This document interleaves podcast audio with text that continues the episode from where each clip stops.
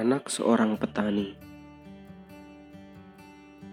Pintar itu harus, namun beruntung lebih diidam-idamkan. Aku mungkin satu dari sekian manusia yang paling menyadari terbatasnya kemampuan. Lalu apalagi jika bukan keberuntungan yang selalu aku harapkan. Hari keempat, duduk santai dengan gorengan dan sangkir teh hangat siang yang cerah, dan sedikit candaan ringan di balai desa. Samar dan masih belum tahu kepada siapa aku harus berbicara selain Miki.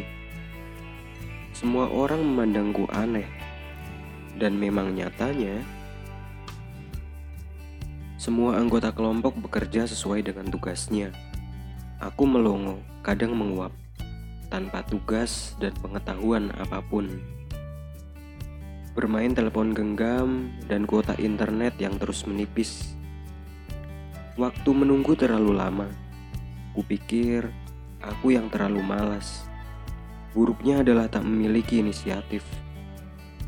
Aku tahu betapa buruknya aku. Manusia datang silih berganti dengan kepentingan-kepentingannya. Miki sibuk ikut mengurusi, lalu Ariana dan yang lainnya juga demikian. Betapa membosankannya waktuku. Beruntungnya, Pak Carik adalah orang yang sangat baik dan ramah.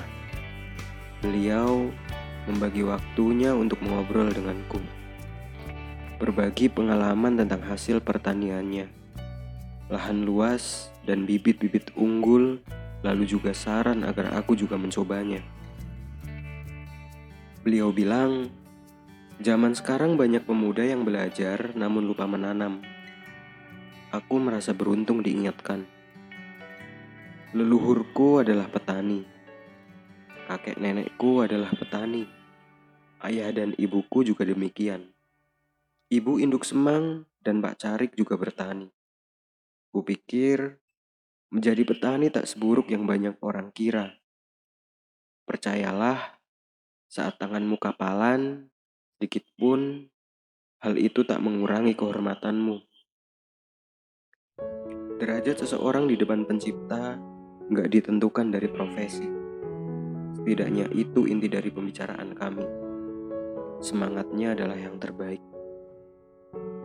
Balkon dan kopi lagi setelah pulang. Sebagian dari kami bercerita. Lalu juga mengeluh karena KKN dan magang hampir sama memiliki fungsi yang sama. Harusnya memang berbeda, tapi mencari sesuatu yang berbeda di antara banyak kesamaan hanya akan membuang-buang waktu saja, kan? Entahlah, rasanya aku tak mempermasalahkan apa pun. Semilir angin dan lambean daun bambu hebat soal hipnotis. Aku terkantuk sebelum berpindah ke kamar karena Miki. Dia sangat peduli padaku tanpa selimut dan tak butuh lebih dari lima menit untuk tidur.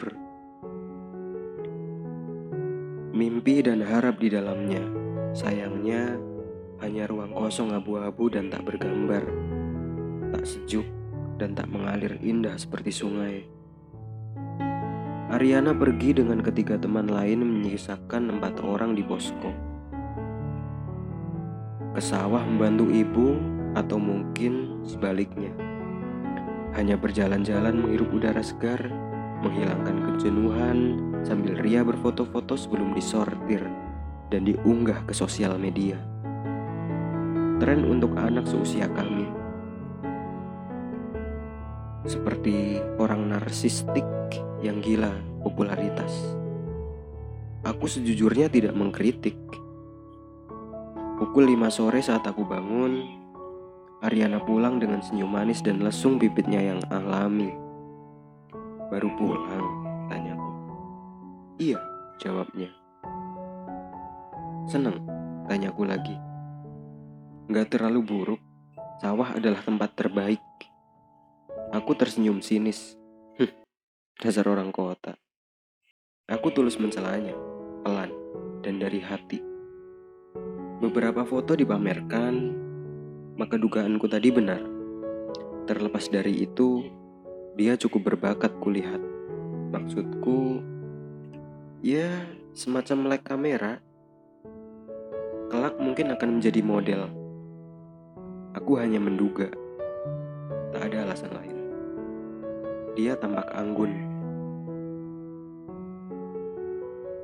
Mengagumkan. Orang beruntung punya bakat dari lahir. Yang lain harus berusaha keras. Ariana untuk yang pertama. Dia pantas bersyukur untuk itu. Setelah maghrib tiba, untuk kali kedua kami harus berkunjung. Kali ini ke kadus dusun lain dan tak terlalu jauh. Miki sedang malas denganku. Maka Tony sebagai alternatifnya.